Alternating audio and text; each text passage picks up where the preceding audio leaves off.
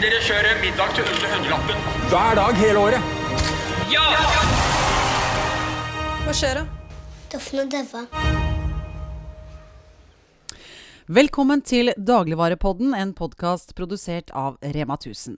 I dag vil jeg, Mette Fossum Beyer, ta dere med på starten av et nytt eventyr i Rema 1000 sin historie. Nemlig vår satsing på økologi for alle. Denne uken ble det kjent at Rema 1000 kjøper seg inn i den økologibaserte Oslo-bedriften Kolonihagen. Og med meg i studio har jeg deg, Jon Frede Engdahl, grunnlegger av Kolonihagen. Velkommen. Tusen takk. Først og fremst, kan du fortelle lytterne hva Kolonihagen egentlig er? Ja, vi gjør så mye rart, så, så øh, nå er det litt begrensa tid her kanskje. Men veldig kort fortalt så startet vi med å levere eh, ærlig, ekte, rene økologiske råvarer rett på døra. Fra bonde og ut eh, i matkasser, som vi startet for tolv år siden. Så vi var faktisk først i Norge med det.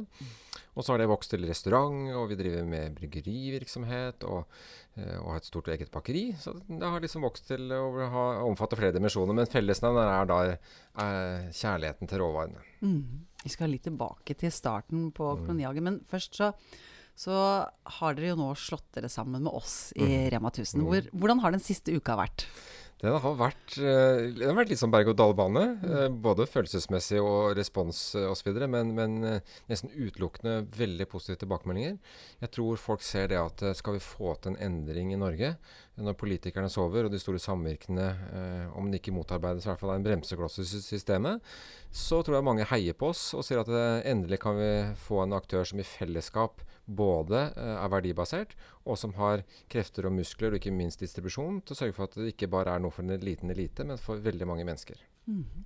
Ja, for jeg så jo en av overskriftene i DN bl.a. når dette ble kjent, var Mm. Nå slukes dere av store Rema 1000. Ja, jeg så den overskriften.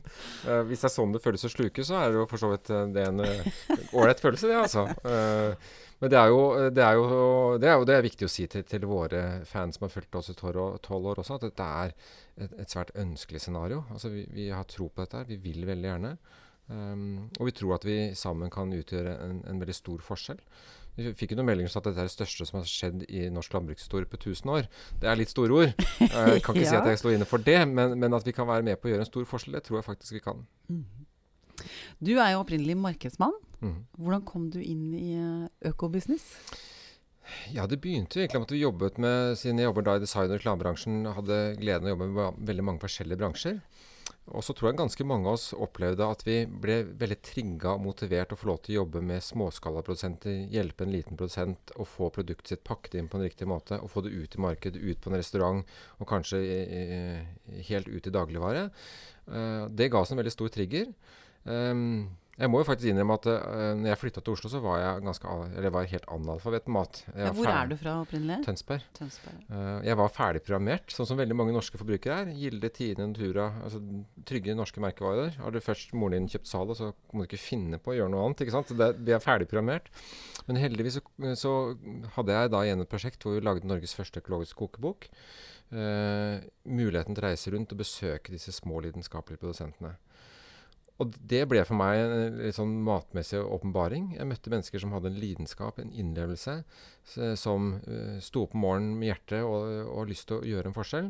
Um, og så åpna seg ikke minst et, et smaksbilde som ikke jeg ante fantes.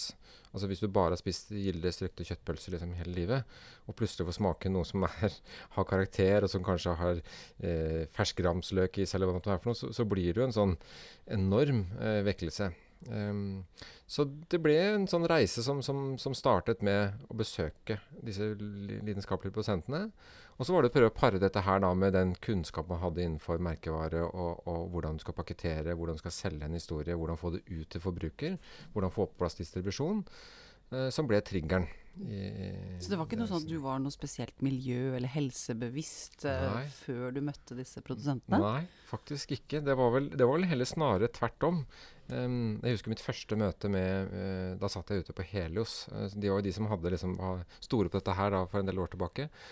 Og da satt jeg og ble servert en, en, en rugbrødskive som var nesten sort i, i farge, med en stor topping med sauerkraut. Hvor den, jeg husker den, den brødskiva den spraka, den var levende. Og så sitter de på andre siden av bordet og forteller om antroposofien og, og, og månefaser og nedgravde kuhorn. Og jeg bare sånn Jeg satt i bilen og sånn dette er De er jo helt klin gærne. Det er helt ute å kjøre. Hva er dette her for noe? Um, men så tror jeg liksom bare i det momentet du kommer ut på en gård, i det du begynner å snakke med en bonde, og når du ser forskjellen eh, på hvordan mat lages, så, så, så er det mye lettere å dekode det.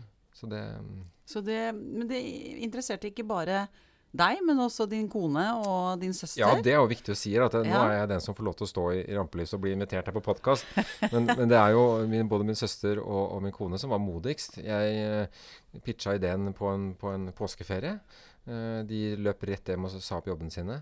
Eh, vi begynte jo å pakke eh, bare noen uker etterpå med stua som base, og bygde kjølerom hjemme. Altså matkasser som Ja, ja, dere ja. pakka da? Ja, ja, vi hadde ti kunder, og, og de var kjempestolte. Og Ti ble 20, og 20 ble 40. Men, men eh, de var definitivt de som var modigst. Jeg satt og, og kunne se på at dette her eh, begynte å vokse. Og når de da tok initiativet til å etablere restaurant på Frogner, så valgte jeg å søke på jobben som, som leder for For noe som din kone og din søster Ja, jeg sendte søknad til min søster. Bare sånn, eh, hun leste den fra toppen av og syntes jeg var veldig cocky. Den som hadde sendt den søknaden, var liksom jeg, jeg er kvalifisert, jeg skal ha den jobben her. Helt til hun da på slutten så at det var jeg som hadde søkt. Da. Så jeg fikk jobben. Ja, du gjorde det. Og så har det etter hvert da blitt eh, bakeri Mhm. og bryggeri Mhm. ja, og nettbutikk. Ja. Ja. Hvordan har den reisen vært? Ja, den har jo vært drevet liksom av, av uh, Igjen da, at vi, vi er styrt av hjerte og emosjoner og, og liksom lidenskap og, og ting som vi syns er gøy. Uh, så jeg skal ikke si at vi alltid har vært like flinke til å bruke regnearket. Kan man si at Det burde man kanskje vært noen ganger. Men, men det har vært drevet av at vi bare har hatt lyst til å være med og, og forandre. Jeg så at norsk brød inneholdt altfor mye ekstra gluten, rare E-stoffer, en, en ingrediensliste som du ikke vet hva er for noe. Altså Snu etiketten i stedet du er i brødbutikken og se hva det står. Er det noe du ikke kjenner igjen eh, på lista der, så legg det tilbake.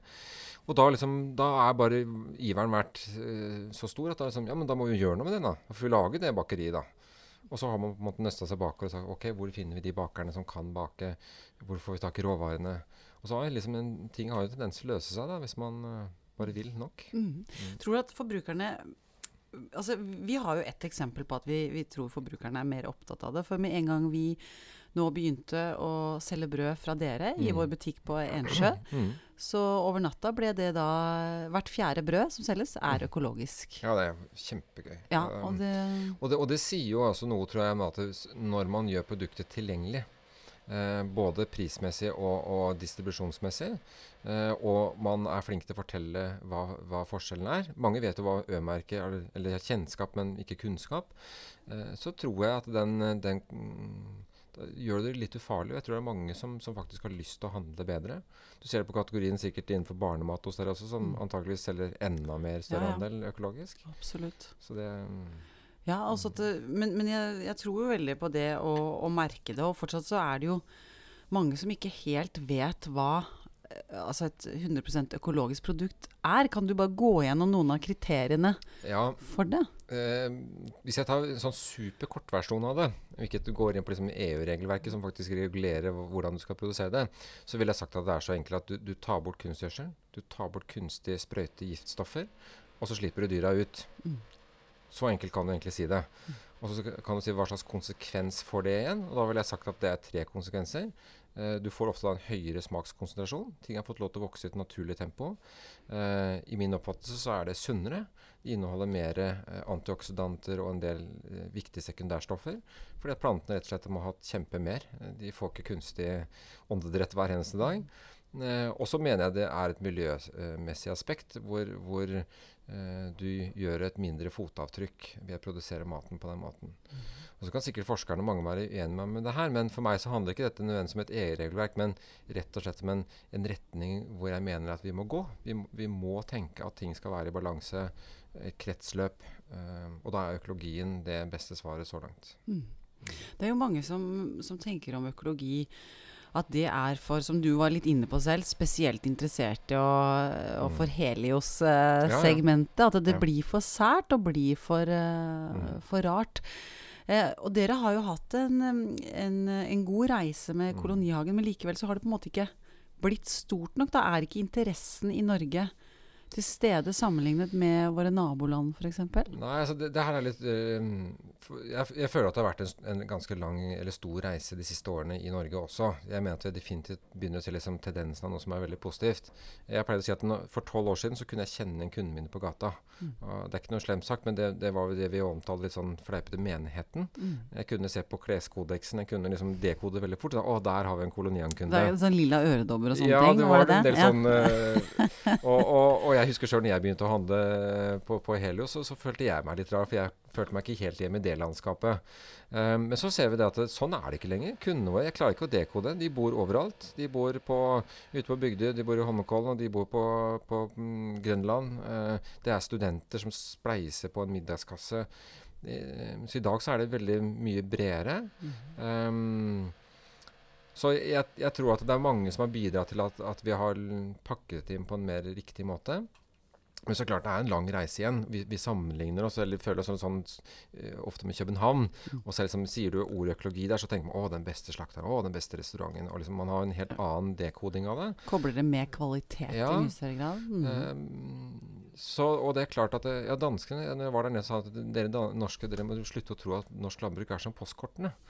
Eh, og det tror jeg faktisk det er litt i. Når vi nå begynner å få gradvis mer innsikt i hvordan maten produseres, så tror jeg vi også kommer til å bli mer bevisst. Du ser det på kylling.